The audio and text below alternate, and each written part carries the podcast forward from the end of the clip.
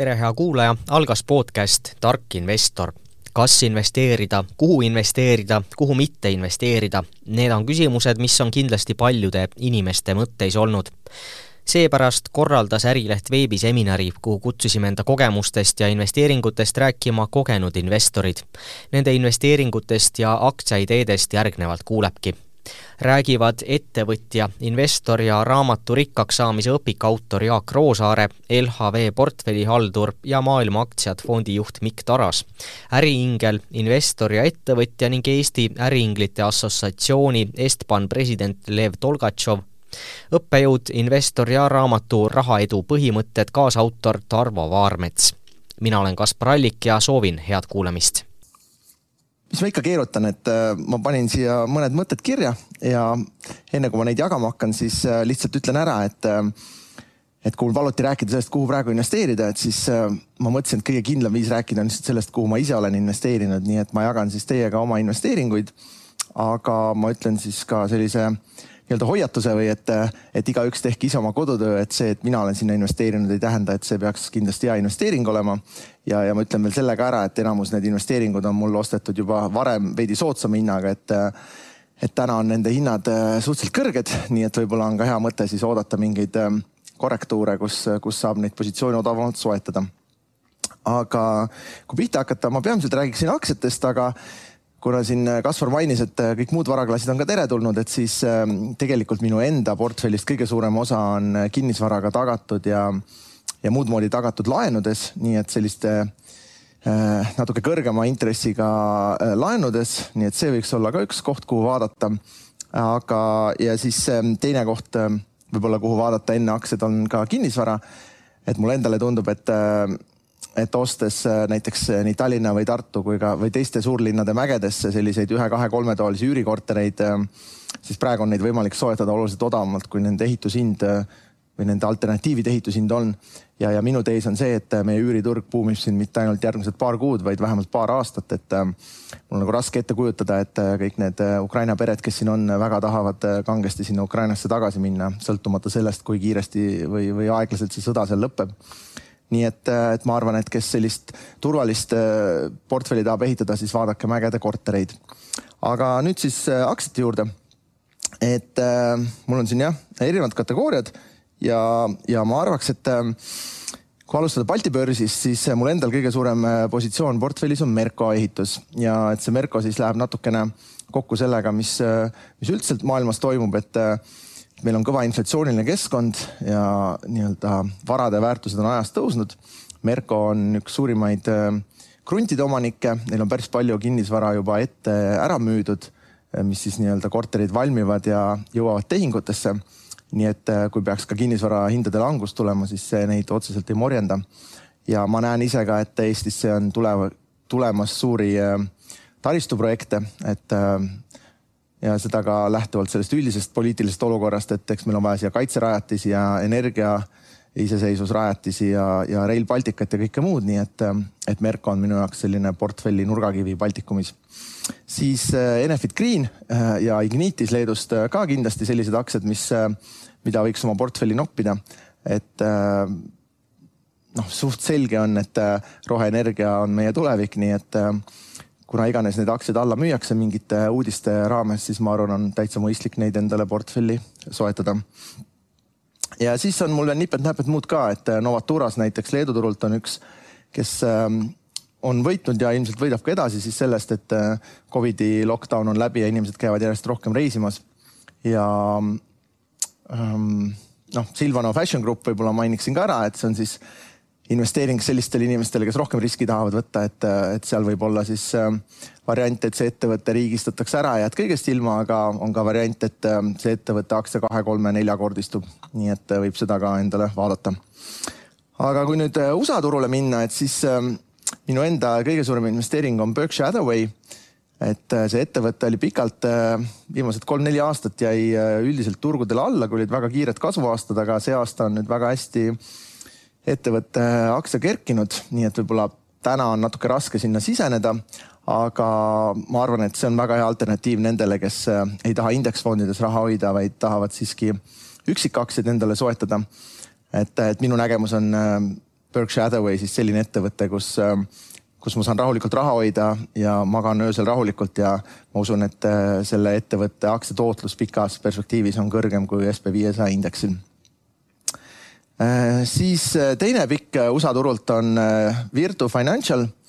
mis võib-olla on natuke vähem tuntud kui Berkshire Hathaway ja see aktsia on mul ka portfellis päris äh, kaua olnud ja eile just ettevõtte aktsiahind tegi kõigi aegade kõrgema taseme.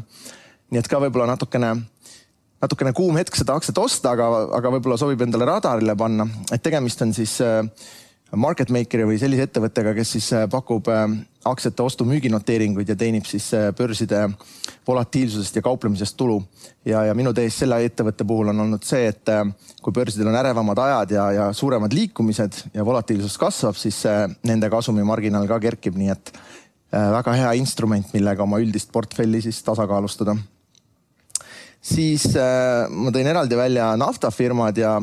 minu enda lemmikpanus naftasektoris on äh, Occidental Petroleum, mis äh,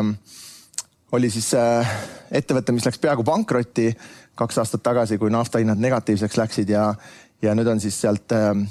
ühekohalselt aktsiaarvult see hind kerkinud juba kuhugi kuuekümne dollari kanti.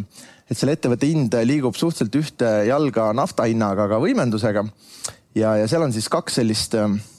Mm, noh, minu jaoks olulist sündmust, et üks on see, et Warren Buffett on sinna ostnud päris suure osaluse, et ligi viisteist protsenti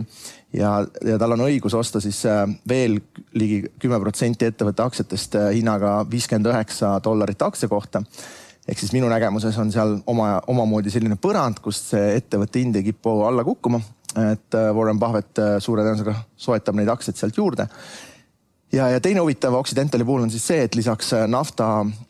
naftatoodete kaevandamisele ja müügile, siis ettevõte tegeleb ka sellise tehnoloogiaga nagu carbon capture, mis siis aitab vähendada äh, süsi, süsihappegaasi äh,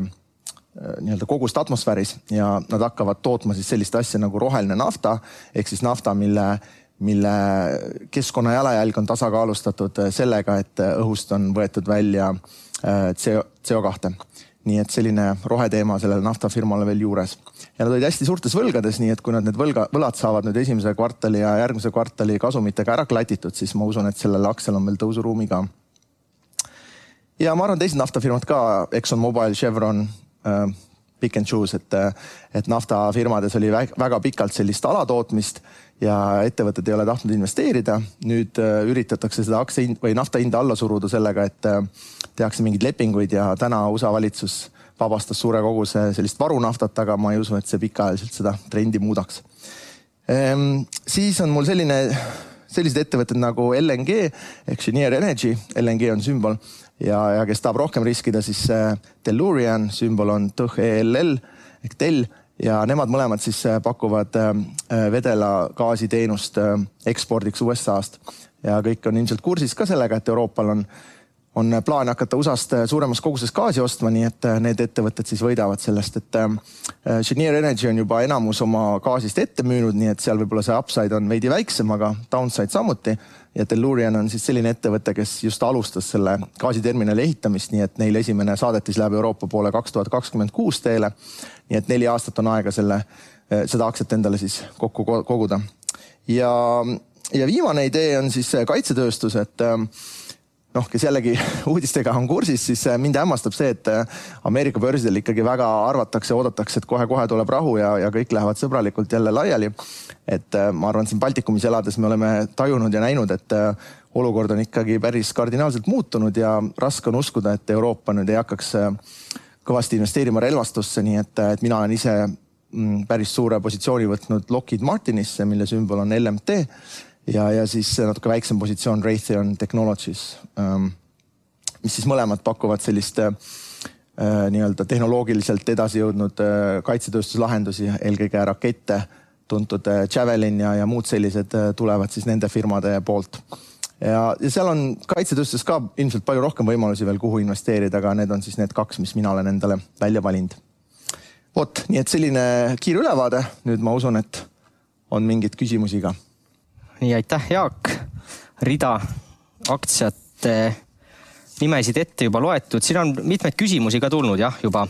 saab need ette võtta ka. Bitcoin, seda sa ei maininud, aga uuritakse, mida sa selle kohta arvad? ähm,?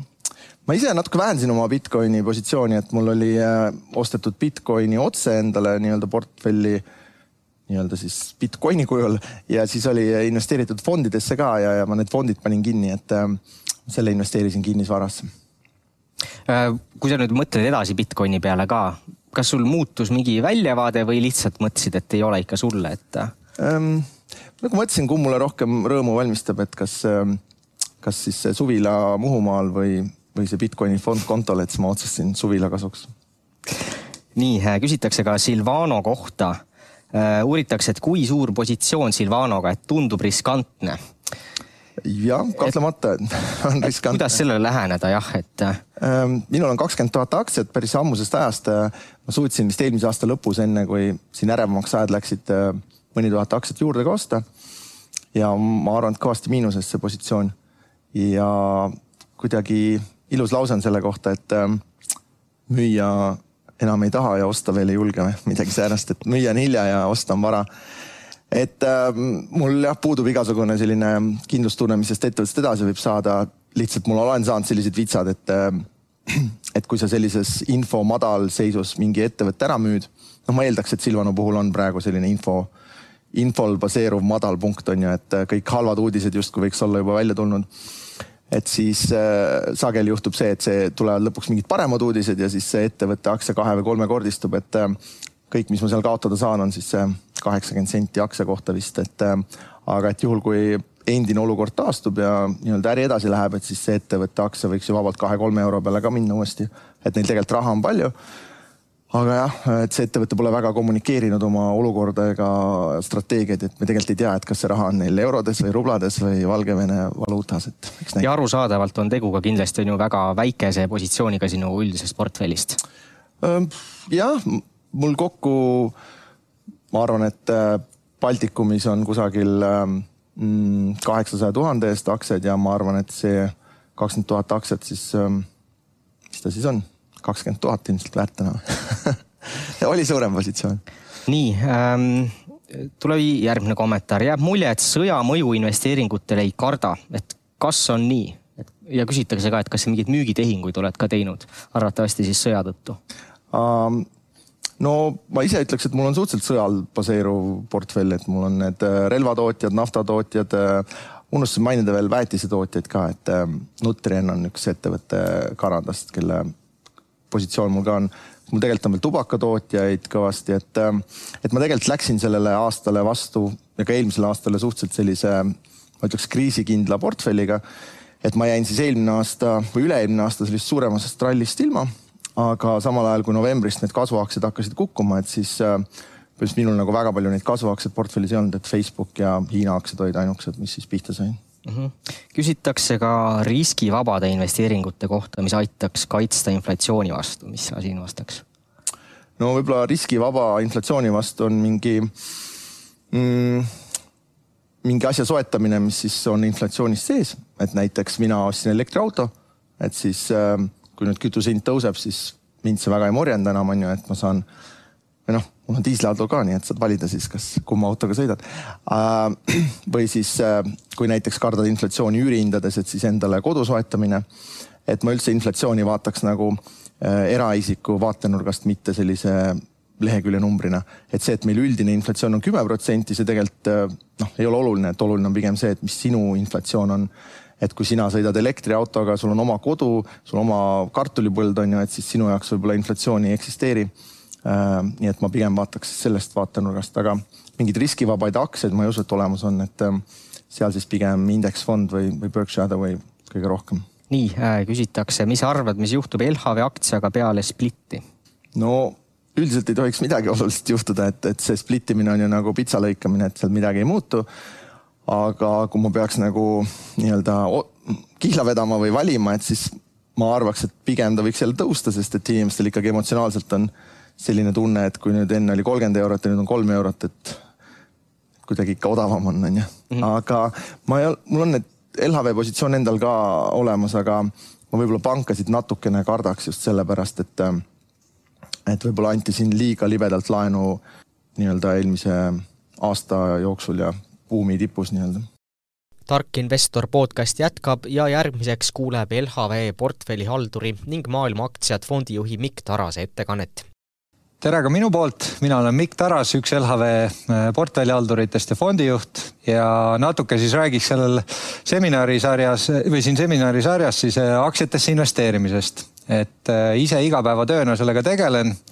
aitan siis juhtida LHV Pangas meie privaatportfelle, kus meil on seal suurem summa, üle kahesaja miljoni euro, mida, mida juhtida ja, ja aitan ka meie varahalduse poole pealt meie pensionifonde aktsiainvesteeringutega ja juhin ka ühte meie väiksemat globaalset aktsiafondi. nii et kogemust on mul LHV-s äh, kuskil neliteist aastat olnud ja, ja natuke selle pealt siis äh, äh, proovin lahti mõtestada äh, seda äh,, kuidas meie täna turukeskkonda näeme ja, ja, ja kuhu võiks siis äh, investorid äh, täna sellises ebamäärases keskkonnas vaadata. et äh, kui me mõtleme, mis on seni sellel kümnendil juhtunud, siis ei saa kindlasti öelda, et see kuidagi finantsturgudel igav või rutiinne on olnud, et pandeemia, sõda Euroopas, et seda määramatust ja ebaselgust on, ma usun, küllaga olnud ja, ja ja ka hiljutised sündmused ja võib-olla sellest ajendatuna ka, et, et, et kuidas see siis omakorda sellist suurt pilti turgudel ja aktsiaturgude jaoks mõjutab. et seda lahti mõtestada, siis täna on kindlasti vara igasugu lõplikke järeldusi teha, aga eks eh, meie töö on mõtestada, milline see maailm siit ettevaatavalt saab olema ja kuidas see aktsiaturge mõjutab. ja mis puudutab siis majandust eh, ja, ja majanduse käekäike ja ka turgude käekäike, siis äh, arvaks, et üks kõige olulisem aspekt, mida esialgu saab kindlasti äh, nii pandeemiast kui ka siis äh, sellest, mis, mis, mis on Euroopas sõjaliselt toimunud, kaasa võtta, on siis üsna-üsna tugev ja ebamugav inflatsioonisurve. et sõda on midagi, millest mitte kunagi mitte keegi ei võida otseselt, seal on ainult kaotajad paraku. ja ja tegelikult äh, inflatsioon on ka midagi, mis vaikselt on hiilinud meie majandusse tagasi. ja nüüd me näeme, et paljud trendid nii selle pandeemia kui ka sõjalise olukorraga on võimendanud. et kui meie räägime sellest, et täna hinnad tõusevad juba kaksteist protsenti aastases võrdluses, siis Lääne-Euroopas see nii hull ei ole. aga räägime ka seal kuskil viiest-kuuest protsendist, see on midagi, mida pole sõltuvalt seal majandusest kakskümmend, kolmkümmend, nelikümmend aastat nähtud et inflatsioon on pikalt kadunud protsess, mis lõpuks on tagasi tulnud majandusse ja näitangi siis äh, nüüd slaididel, et tegelikult see on ääretult oluline punkt ka finantsvarade jaoks. Äh, mida teevad, äh, mida teeb inflatsioon ja mida teevad intressid. aga ennem siis, miks see inflatsioon on tagasi tulnud? et peamine aspekt on see, et majanduses tegelikult ei lähe halvasti, ei lähe hetkel halvasti ja ei ole pandeemia järgsel läinud, et vastupidi, kõiki on pigem üllatunud see või üllatanud see, kui, kui tugevalt on nõudlus taastunud majanduses, eriti kaupade vastu, kuna palju teenuseid me kasutada ei saa. ja see on siis tekitanud eh, pigem kaupade puudu, puudujäägi et eh, takkatippu meil on siis igasugu toetusi nii pandeemias kui üldse laiemalt, kui me täna mõtleme kõrgemad energiahinnad, siis palju ja sageli on poliitiliselt eh, viimasel ajal esimene valik toetada, toetada ettevõtteid, toetada majapidamisi, mis on sageli ka omal kohal, aga, aga ütleme niiviisi, et me näeme, et õli valatakse tulle pigem. Äh, nõudlust on rohkem kui pakkumist ja see on hakanud siis hindu oluliselt upitama. Äh, veel faktoreid, et äh, mida me veel näeme, et sellisesse vanasse majandusse on pikalt alainvesteeritud et nüüd, kui meil on siin raha trükitud, riigid lasevad eelarveid miinusesse, siis äh, siis selline ütleme vanasse tööstusesse, energeetikasse, materjalidesse, kaevandustesse, sinna pole circa kümme aastat tegelikult äh, investeerik-, investeeringuid väga tõstetud. ma mõtlen siin põhivara investeeringuid, seda, et äh, neid, neid, neid äh, kaupu siis rohkem saaks toota. aga nüüd oleme me majanduses, kus järsku on nõudlus väga tugevaks läinud ja neid asju pole kuskilt üle võtta. ja ja samamoodi noh, me teame, et tegelikult äh, mõtleme kasvõi kaevanduse peale, et okei okay,, et täna siin tahame näiteks äh, elektrifitseerida väga palju asju. Äh, selleks läheb vaja vaske, hõbedaid, muid nagu tööstusmetalle, mis aitavad elektrit juhtida.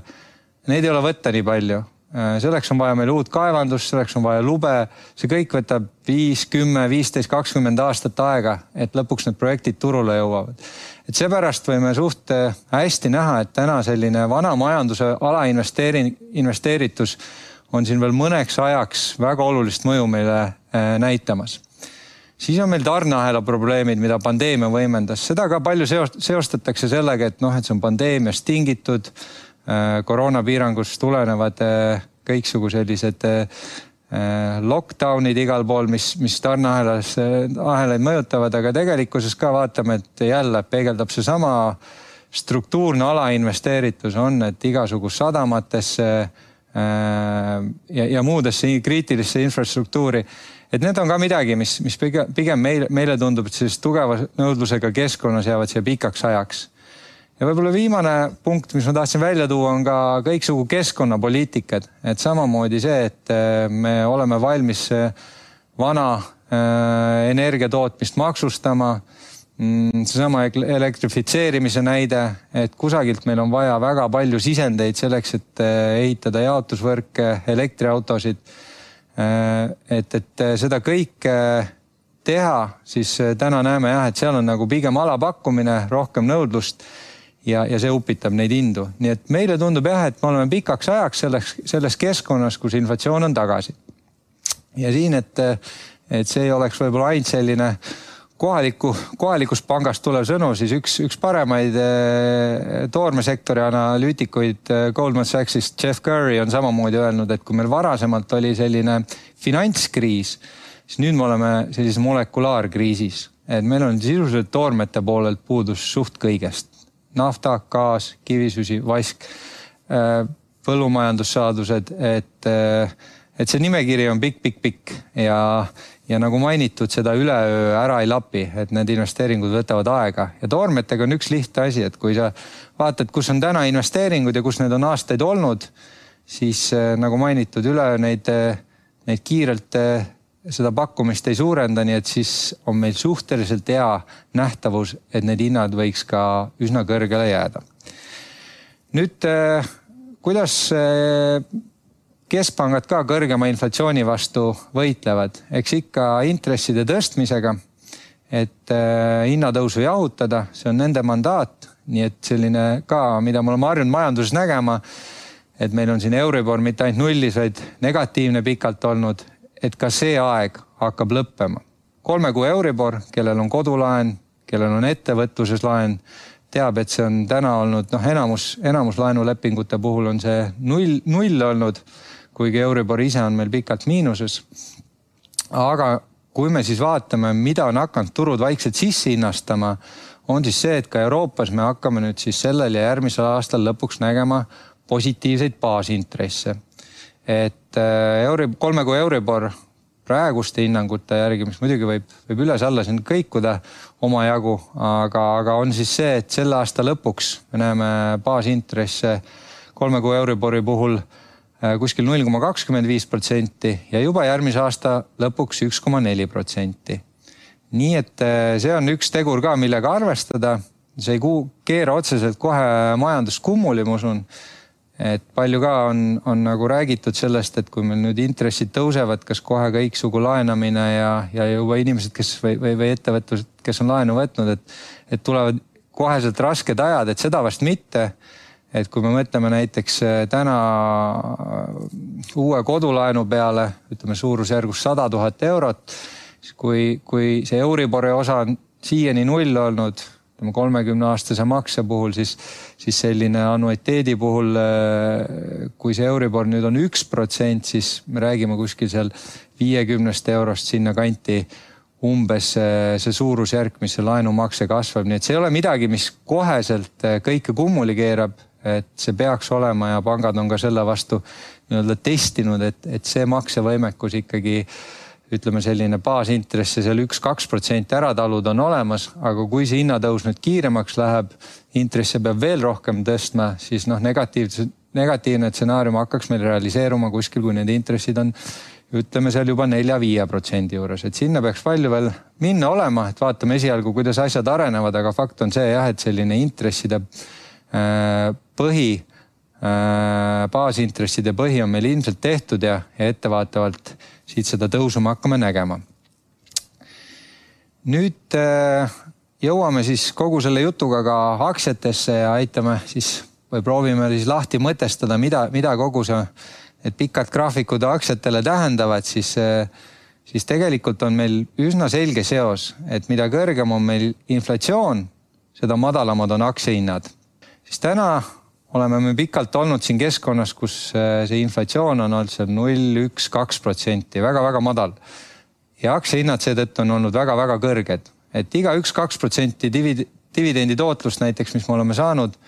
on ka automaatselt tähendanud, et see ongi meie reaaltootlus. me ei ole pidanud muretsema, et inflatsioon on kõrgem ja tegelikult hinnad tõusevad rohkem ja me nii-öelda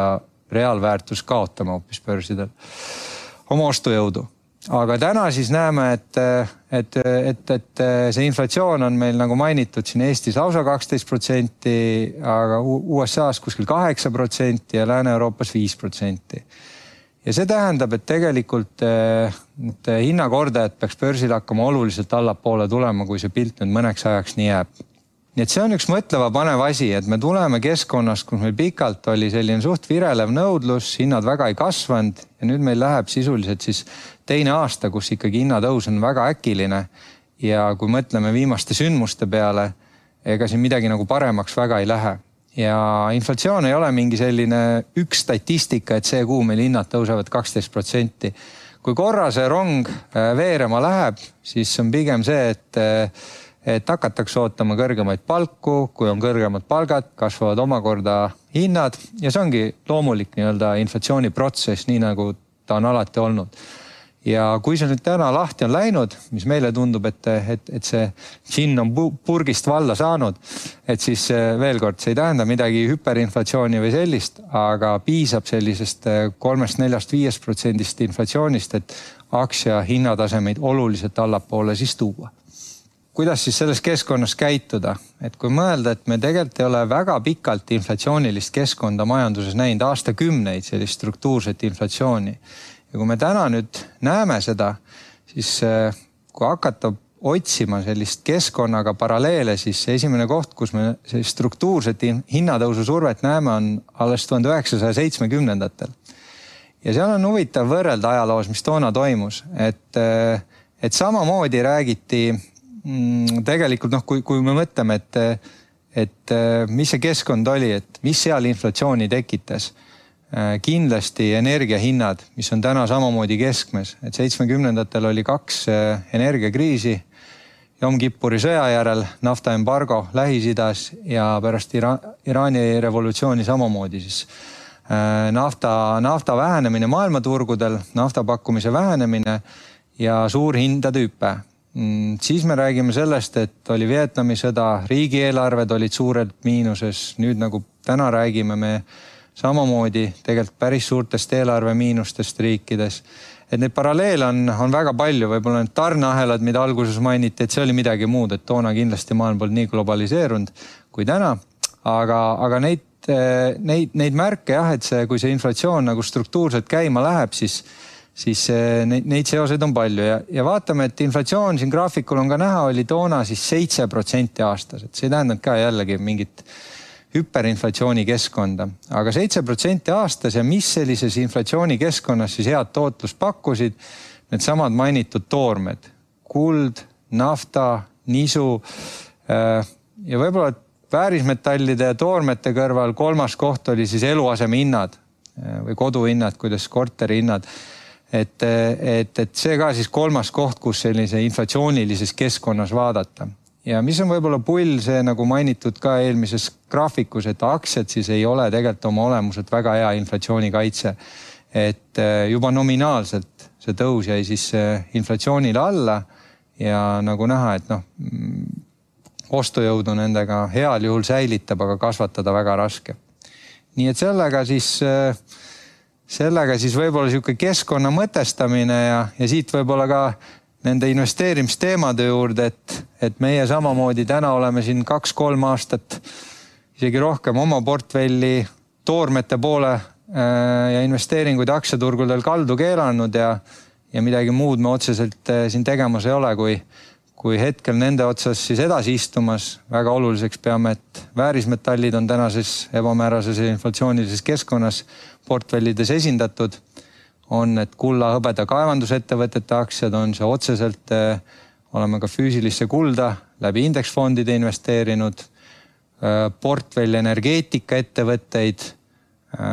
see hõlmab siis kõiksugu vanast energeetikast taastuvenergiani põllumajandustoodete puhul väetisetootjad. Kinnisvara muidugi ilmselt paljudel on kuidagi kas ise, ise,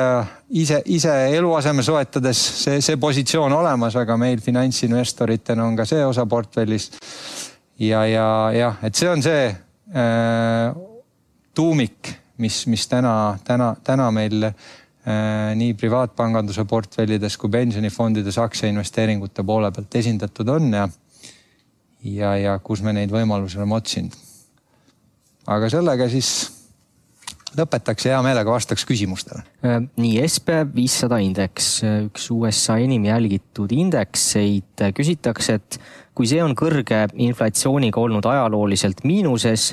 siis äh, miks peaks, ma eeldan, et sinna siis üldse praegu investeerima?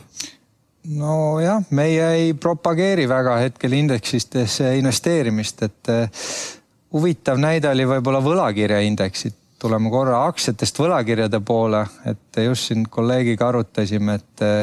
et see, mis näiteks on väikse intresside tõusu peale võlakirjades toimunud, et sul on pühitud sisuliselt eh, kolme kuuga viie aasta tootlus sealt minema. et see on see nende, selle asjade häda, et kui režiimid muutuvad ja majanduskeskkond muutub, siis me võime ükskõik kui head tööd teha ja otsida ükskõik kui kvaliteetsed investeeringud aga asjad nagu inflatsioon, intressid ikkagi mõjutavad kõiki meid ja mõjutavad turge tervikuna. et sellega peab arvestama, et äh, väga kallitelt hinnatasemetelt täna,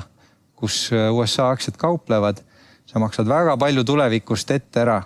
ja siin on see probleem jah, et, et, et, et ütleme, sa maksad väga kallist hinda, kui maailmas mitte midagi väga ei kasva, aga kui järsku igast hinnad hakkavad nominaalselt kasvama siis see tegelikult sul see alternatiivkulu läheb nii suureks, et, et see on see e-, efekt, mis ma näitasin ka, et, et ikkagi selles keskkonnas see indeksid võivad olla mõneks ajaks äh, selline nagu nimetatakse surnud raha, et, et, et, et seitsmekümnendate näide veel oli see, et kusjuures huvitav, et et oli nifty fifty buum, et toona oli siis ka selline Coca-Colad, IBM-id, kindla peale investeeringud, nendega ei saa kaotada, no natuke nagu me täna mõtleme Apple, Amazon, et iseenesest ärimudeliga ju midagi ei saa väga valesti minna, sellised kuulikindlad. aga nad olid nii kuramuse kallid, et eh, siis, kui see inflatsioonikeskkond pööras, olid just need ka, mis tegid miinus nelikümmend ja viiskümmend protsenti aktsiahindades languse et, eh, et sellega peab, peab arvestama, et sellised režiimi muutused võivad olla suhteliselt laastavad ja neid peab nagu selle, selle vastu noh, meie soovitus oleks vaadata ka midagi alternatiivsemat sinna juurde vähemalt. järgmisena räägib äriingel investor ja ettevõtja Lev Tolgatšov. et mina olen Lev Tolgatšov, olen äh, saarettevõtja, investor, äriingel ja täna räägime siis minu portfellist ja räägime ka sellest, et äh, kuidas, kuidas äh, investeerida nüüd ja praegu ja kuidas mina seda teen. et äh, olen ise siis äh, IT, visuaalmeedia tootmise ja viimasel ajal siis äh, investeerimisettevõtmisega taustal, et äh, mul viimased aastad siis äh, tegelen oma varahaldusettevõttega ja investeerin siis erinevatesse varaklassidesse ja investeerimisega alustasin aastas kaks tuhat kolm, ettevõtmisega siis aastas tuhat üheksasada üheksakümmend kaheksa viis-kuus viimast aastat mu põhitegevus ongi investeerimine ja varahaldus. minu portfelli vundamentiks on äh, rahavooinstrumendid, et kõigepealt äh, kõrge tootlusega võlakirjad, ka kõige riskiga, aga äh, seda kõrget tootlust äh, väga raske ilma riskita saada, siis umbes kaks kolmandikku portfellist on siis no igasugused ja enamasti võlakirjad ja laenuinstrumendid. circa viisteist, viisteist protsenti on kinnisvaraga seotud äh, rahavooinstrumenti, äh, instrumentides. sisuliselt kinnisvarafondid, kolm erinevat kinnisvarafondit, kõik kolm on Efteni omad. No nii juhtus lihtsalt, et äh, meeldivad nende fondid ja kunagi alustasin kolmanda Efteni kinnisvarafondiga, mis äh, kaupleb äh, Tallinna börsil, siis äh, pärast äh, investeerisin ka Eften Residential fondi, mis on, mis ei ole kauplev, aga millele saab nüüd äh, jaeinvestor saab nüüd ligipääsu äh, Eften United Property fondi kaudu ja siis selle Eften United Property fondi ka investeerisin ja pidevalt investeerin. Viisteist protsenti on aktsiates, äh, nii börsil kauplevad aktsiad kui äh, no nii-öelda pre-IPO aktsiad börsiettevõtetest. üks näide on Tallinna Kaubamaja, mis meeldib mulle jälle rahavoo pärast, et nad pidevalt maksavad äh, dividendi ja äh, ikka nad on, no mu, minu arvamusel nad on äh, mingis mõttes kasvuettevõte ka, et nad ikka üritavad alati midagi uut leida ja kuidagi ikka nagu no otsivad kasvuvõimalusi. Tallinna börsis mul portfellis ka Hepsari aktsiaid. ostsin neid veidi kõrgema hinnaga, kui saab praegu osta ja et äh, hetkel juurde ei osta, sest äh, mul see noh, selle positsiooni järgi äh, jaoks on juba kõik vahendid, mis oli planeeritud selle positsiooni jaoks, kõik on juba allokeeritud, aga mm, jah, endiselt usun jälle nii kinnisvarasektori kui jälle, et no konkreetselt Hepsari ma nüüd mõtlen nagu jälle kasvuettevõttena ja mulle meeldivad kasvuettevõtted. kohe äh, siis äh, teeks disclaimer'i nagu Jaak on teinud, et äh, ma ei ole finantsnõustaja ja ma ei anna nüüd äh, ostusoovitusi, et äh, igaüks otsustab ise, mida ta oma portfellis hoiab. Ja, ja ma räägin puhtalt oma kogemusest ja oma visioonist ja kuna ma olen ka paljude Eesti idusist ökosüsteemi osapooltega seotud, siis mainin ka seda, et minu visioon on minu visioon, et ma ei räägi nende organisatsioonide visioonidest praegu. nii aktsiatest siis veel, äh, mul on portfellis Cleveroni,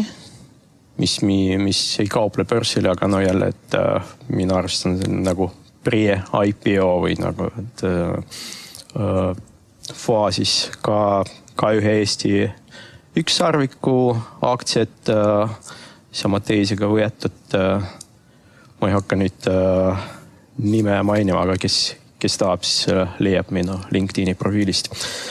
et siis kolm kuni neli protsenti portfellist on startup ides. et see on mul see kõige, kõige põnevam võib-olla portfelli osa, mille abil ma võib-olla saan teiste varaklassidesse veidi rahulikum investeerida, sest äh, mul on see no juba pikka aega selline investeerimissõltuvus, et ikka käed alati sügelevad ja tahaks äh, kuhugi veel investeerida ja startup'id on selles mõttes väga hea vahend, et äh, ikka neid on, neid on palju ja erinevaid ja põnevaid ja suhteliselt äh, väikse, väikse rahaga saab äh, mõne uue investeeringu oma portfelli lisada. ja veel üks selline, veel väike varaklass minu portfellis, aga see on selline kasvav, äh, protsentuaalselt äh, vaikselt kasvav ja ma usun, et, äh, et ma ikka panustan, panen sinna ka edasi, on NASDAQ sada indeks. no me ju kõik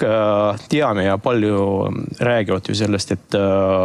see SNP viissada on selline noh, kõige kuulsam võib-olla indeks ja selle tootlus on circa kaheksakümmend protsenti aastas, selline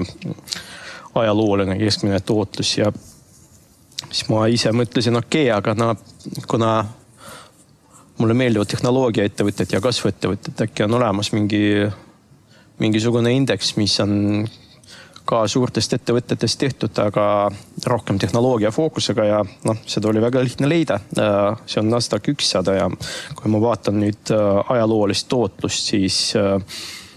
aastast tuhat üheksasada kaheksakümmend viis, kui see indeks oli loodud, äh, keskmine aasta tootlus on neliteist koma seitsekümmend neli protsenti iga aasta. ja kümne viimast aastat on veel, veelgi rohkem, aga noh, kasvaval tuurul on veidi lihtsam head tootlust näidata ja, ja, aga see number, mis on kolmekümne kuue aasta jooksul peaaegu viisteist protsenti per annum on ikka väga võimas number, nii et ma aktiivselt panen nüüd raha sinna ja teen seda edaspidi, isegi kui nüüd turud kukuvad veel, sest ma no kui me need, meie selle tänase seminari teema ongi, et kuidas investeerida nüüd ja praegu ja nüüd see sõda kindlasti mõjutab Euroopa ja maailma majandust ja mõjutab ka varaklasside tootlust. ja mm, see, millest Mikk nüüd rääkis, et aktsiaindeksid võib-olla ei näita nii head tootlust, kui inflatsioon on kõrge, kõrge, see on no loomulikult see on õige ja tema on professionaal ja kõik need numbrid on tagatud. aga samas ma kuulsin teesi, et ja ma, ma ise usun, et kaasaegses maailmas keskpankadel ei ole muu instrumenti kui rahatrükki mis iganes probleemide lahendamiseks ja et ma kuulsin selleks, et äh, Venemaad nüüd äh, maailmast äh, no peaaegu täiesti isoleerida majanduslikult. keskpank, keskpangad peavad nüüd trükkima viis kuni kuus triljonit kokku kümne aastate jooksul. ja kui see nii juhtub, siis varade väärtus või varade hinnad kasvavad ja kasvavad ka indeksid ja ma ise usun, et tehnoloogiaindeksid on võib-olla kõige suurema kasvupotentsiaaliga. kui nüüd mõelda sellest, et äh, okei okay,, mis äh, jälle, mis kohe ja nüüd, kas on, kas nüüd on hea aeg alustada või nüüd on hea aeg üldse raha investeerimiseks, äh, siis ma ise usun, et no investor investeerib igal ajal. ja ma mäletan väga hästi aastast kaks tuhat viisteist, kui ma alustasin aktiivselt, no palju aktiivsema investeerimisega tegeleda, siis ma suhtlesin paljudega ja kuulsin paljuid äh, arvamusi, et, et nüüd on liiga hilja ja nüüd äh, kohe-kohe tuleb see kriis ja pauk ja väga mõistlikud ja väga targad inimesed on öelnud, tead, ma istun praegu rahas ja ma ootan. ja ma nüüd mõtlen, et äh, oleks ma aastast kaks tuhat viisteist ja siiamaani rahas istunud, mul oleks praegu kaks korda väiksem portfell. nii et ma ikka julgen äh, investeerida nüüd ja praegu ja järgmisel aastal ja ülejärgmisel ja ise usun, et äh, investor investeerib igal ajal. Suur tänu, Lev, küsimusi on meil ka muidugi. ma läheks esmalt äh, selle portfelli kõige põnevama osa juurde, nagu sa ütlesid, kolm-neli protsenti iduettevõtetes. mitme ettevõtte vahel see esiteks jaguneb? ma lugesin kokku, et ma tegin viimase nelja aast-, nelja aastaga kolmkümmend viis idu, iduinvesteeringuid ja äh, kokku mul praegu portfellis äh, neid iduettevõtteid äh, kakskümmend viis tükki, kui mm. ma ei eksi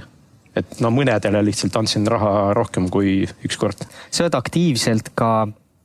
startup'i sektoris sees, et kuidas seal see meeleolu praegu on aktsiaturgudelt paistis pessimism välja eh, koos sõja puhkemisega ja seda oli ka enne juba näha. kas idusektoris on ka mingi noh, niisugune pessimism mingil hetkel läbi käinud või no, mitte? Eestis pigem äh, näen äh, no mingis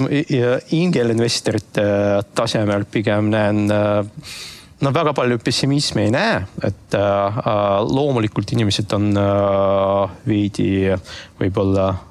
tagasihoidlikum muutunud, aga ma ei näe seda nii palju nagu koroonakriisi ajal näiteks mm. -hmm. tol ajal, et äh, paljud inglid, äh, sest äh, ei olnud üldse kindlasti, kuidas inimestel oma äritega läheb. Nüüd kindlasti see praegune see sõda ja kõik, mis sellega seotud on, kindlasti mõjutab ka noh, palju Eesti investorite oma ärid aga noh, ma loodan et see mõju ei ole nii suur nagu koroonakriisis, sest nagu noh, kui palju meil noh, Eesti iduinvestorite ärid, no enamasti ei ole Venemaaga või Valgevenega nagu nii palju seotud, et ja pigem, pigem ma tunnen patriotismi heas mõttes, et ja inimesed ikka tahavad toetada startup'e ja, et aga kuidas see veel mõjutab, et mõned välismaa väga varase staadiumi fondid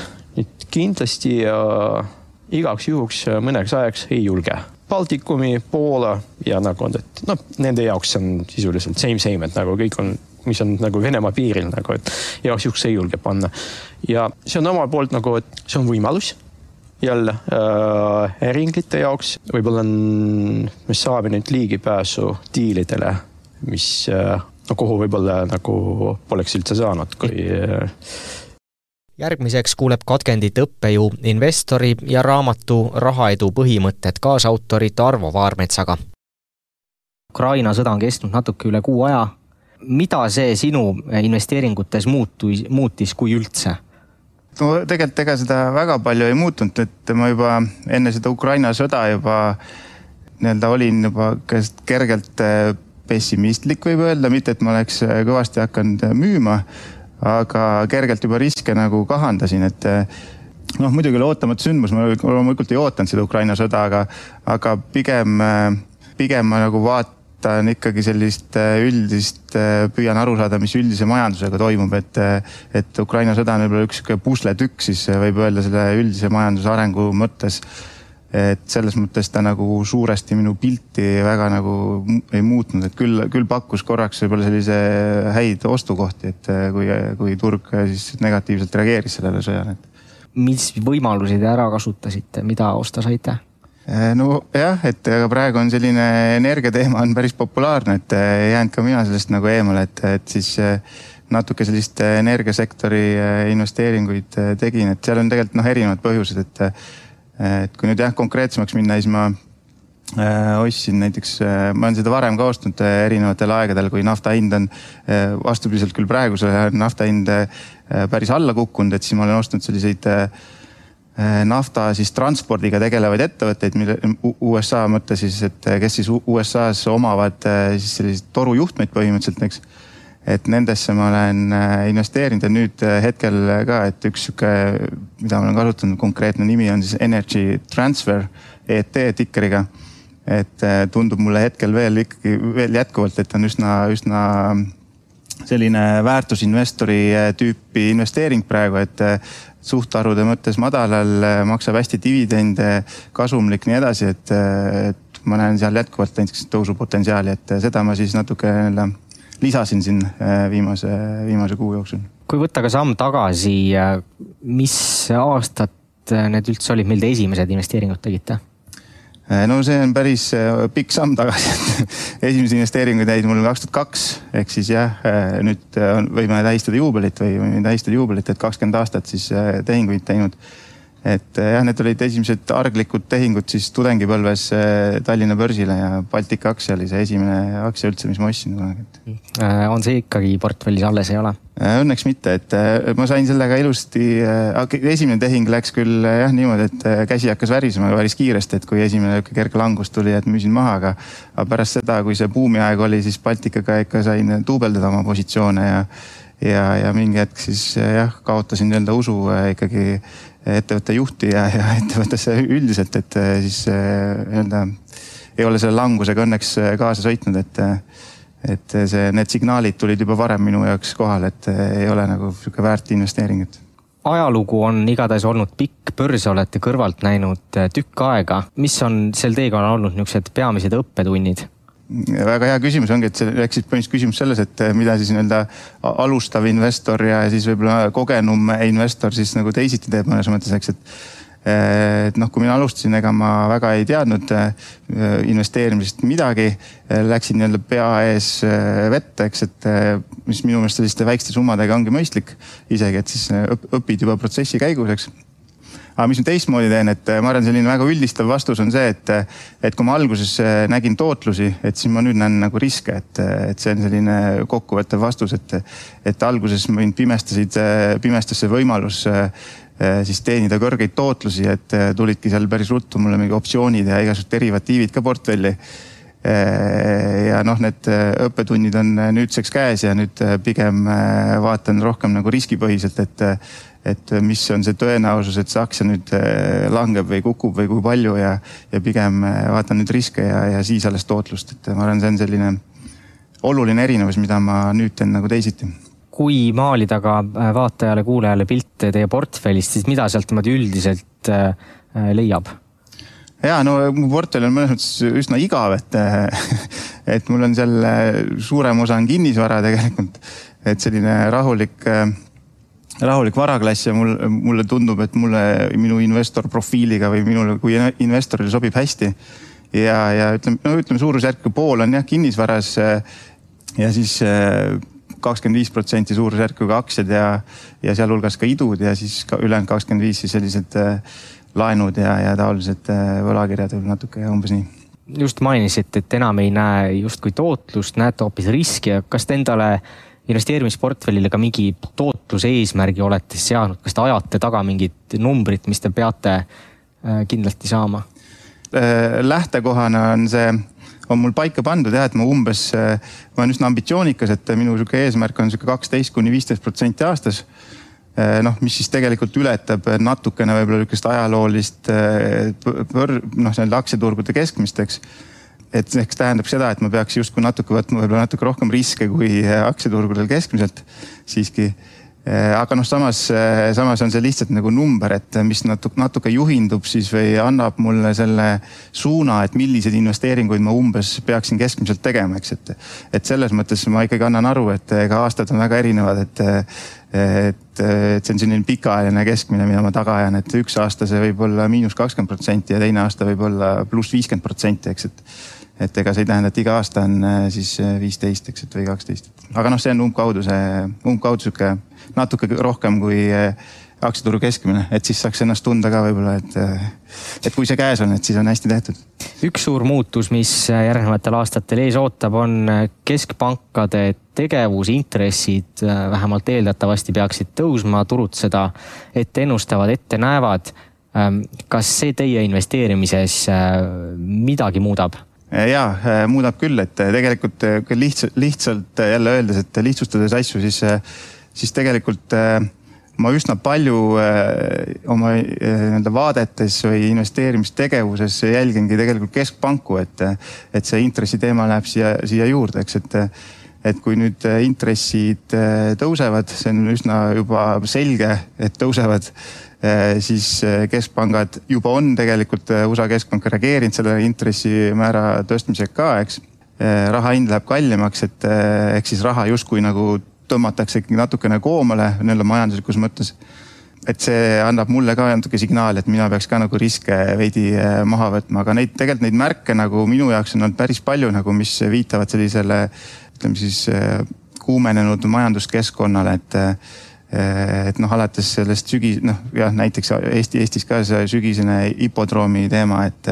et see on selline tüüpiliselt just sellise tõusutsükli lõpufaasi nähtus, eks, et ja noh, ongi need võlakirjade, võlakirjade hinna, hindade langus ehk siis intresside tõus. tavaliselt ajalooliselt ongi nii, et varaklasside mõttes kõigepealt hakkavad langema võlakirjad ja alles siis aktsiad ja, ja pärast seda kinnisvara, eks, et võlakirja langust me juba näeme, eks. Ehk siis jah, neid märke nagu juba on, aga noh, mõnes mõttes jälle jah, see Ukraina sõda võib-olla kergelt siin mingeid kaarte segab või midagi ajaliselt natuke nihutab, aga suures pildis ikkagi, ikkagi jah, ma usun, et see intressimäärade tõus viitab ikkagi sellisele riskide suurenemisele ja, ja paneb mind äh, ettevaatlikumalt tegutsema ja, ja vähem riskantseid investeeringuid tegema, et. Äh, väljavaade kinnisvara edasisele sellisele hinnapotentsiaalile, et äh, kas nüüd järjekord jõuab lõpuks ka sinna või mitte? ehk siis tõusu Lang,. languse langus. mõttes jah noh, nagu ma ütlesin, siis klassikaliselt nii-öelda tavaliselt see tsükkel on umbes niimoodi toimunud, et võlakirjad, aktsiad, kinnisvara, eks see languse mõttes, eks, et äh, et jah, nüüd, nüüd jah, et ütleme, see Ukraina sõda jälle natuke segab siin seda teemat, eks, et minu positsioon kinnisvaras on, noh, kinnisvara on minu jaoks selline varaklass on minu portfellis, mida ma hoian nagu kogu aeg, et sõlt-, sõlt-, peaaegu sõltumata sellest, mis siis toimub, et, et see ei ole kinnisvaraga ma nii-öelda ei, ei ajasta, et ma lähtun siin ka nendest teadusuuringutest, mis ütlevad, et kõige parem strateegia on ikkagi turul sees olla, mitte üritada siis osta, müüa ja vahetada nii-öelda, eks, et, et kinnisvaraga ma seda siis teen, et aga et mis see hinna mõttes eh, tulevik eh, võiks tulla, noh jah, ega, ega need sisendhinnad, eks need on, tõusevad ja raske nagu näha, et raske nagu näha, et uusi kinnisvara siis hakatakse odavamalt müüa, selles mõttes, et kui sul on seda kallim ehitada, et noh, siis kes seda, kes seda tahab ehitada, kui nii-öelda hinnad on odavamad või neid põhimõtteliselt müüa ei saa või see ei ole kasumlik, eks, et väga-väga selget visiooni ei ole, aga praegu ma arvan pigem äh, Äh,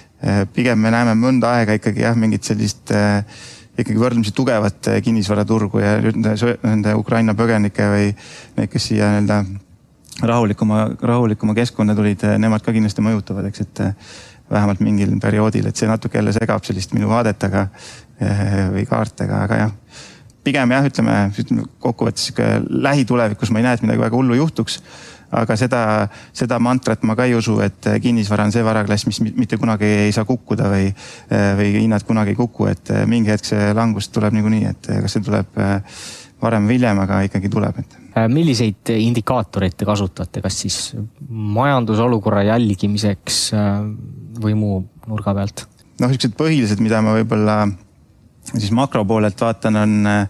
sellised äh, kindlustunde indikaatorid, et äh, kui kindlad on äh, ettevõtjad ja, ja, ja tarbijad, mis on võib-olla natuke annavad viiteid, et mis võiks siis edasi toimuda